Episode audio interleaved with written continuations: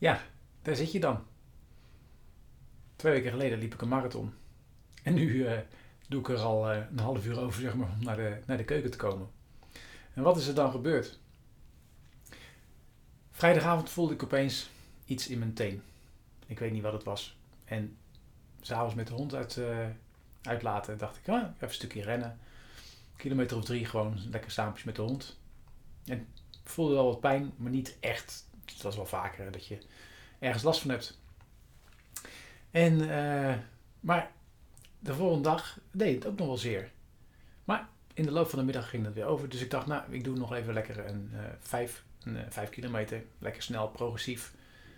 De eerste vier kilometer ging ook prima. En de laatste kilometer opeens, bam. Ja, voelde ook niet echt, echt top. Deed wel zeer.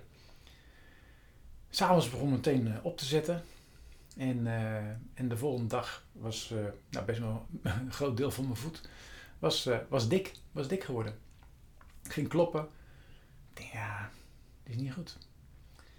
En, maar ik had nog wel zo vermoeden van, als ik nu even gewoon rust hou, dan kan ik vanavond wel, wel gaan lopen. Want ja, ik loop natuurlijk iedere dag. Iedere dag loop ik hard. En dat doe ik nu al 326 dagen achter elkaar. Toch, ik keek zo naar mijn voet. En ik had met Tanja erover. Ja, weet je, ik, ik ga daar ik ga de streak ga ik verbreken. Ik stop ermee. Nadat ik uh, een stukje had gewandeld, had ik zoiets van: nee, ik moet hier gewoon mee stoppen. Want ja, klaar. En dat bleek een goede beslissing, want s'avonds werd het alleen maar erger. Dus was ik toen gaan lopen, was het alleen maar erger geworden. Toen dacht ik, nou, weet je, maandag wordt het wel beter. Nou, en uiteindelijk ben ik dus dinsdag naar de dokter gegaan, want het werd niet beter. En het bleek een uh, bacteriële infectie te zijn. Blijkbaar heb ik daar een keer een blaar gehad uh, afgelopen week. En nou ja, dat was, ja, op een of andere manier is dat is zo'n huidbacterie. Is, uh, is onder gekomen, is daar gaan, gaan infecteren.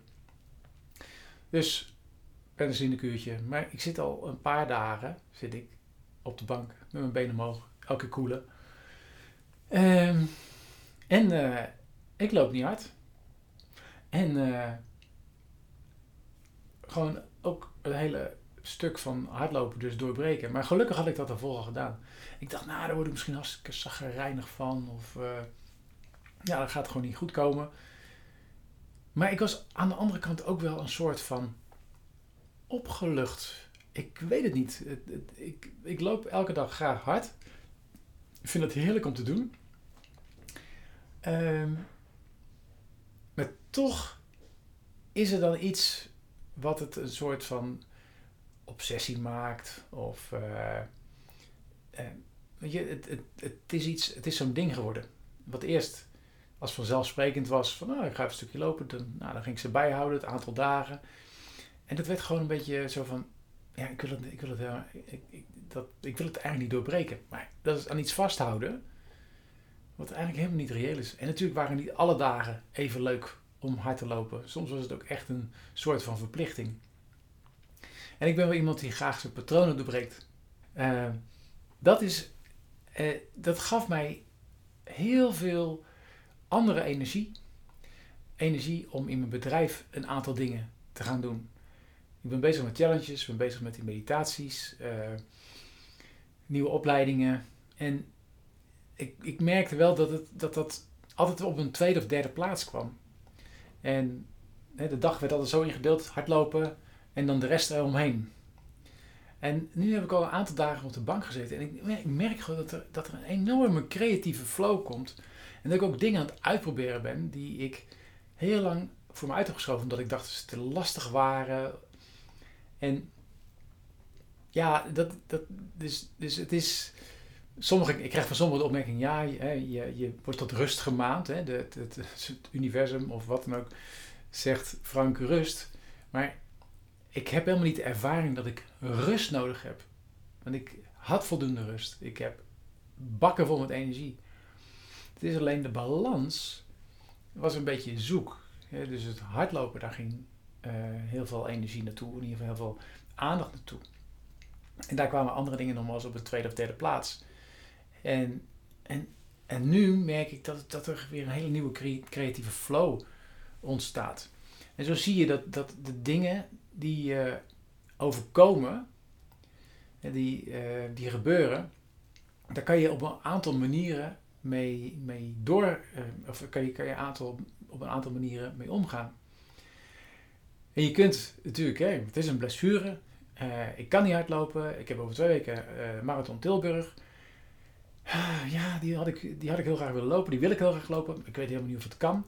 En het maakt ook eigenlijk niet uit. Het is.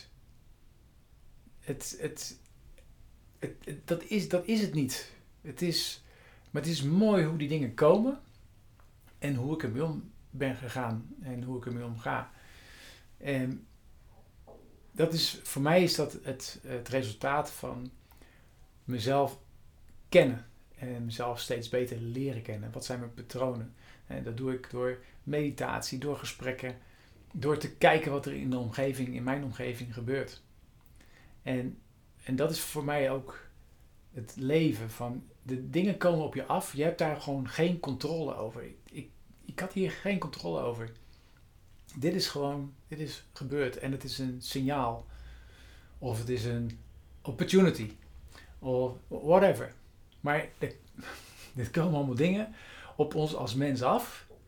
En volgens mij is het enige wat belangrijk is, is hoe ga je daar nou mee om? Hoe ga je ermee om? Want het gebeurt dan toch. Hè? en het kan van hele kleine dingetjes tot hele enorme dingen zijn. Maar hoe ga je ermee om? Wat kun je allemaal mobiliseren, manifesteren om te zorgen dat je overeind blijft? Dat je de dingen kunt doen, of dat je ervan leert, of dat je stappen zet. Hoe doe je dat?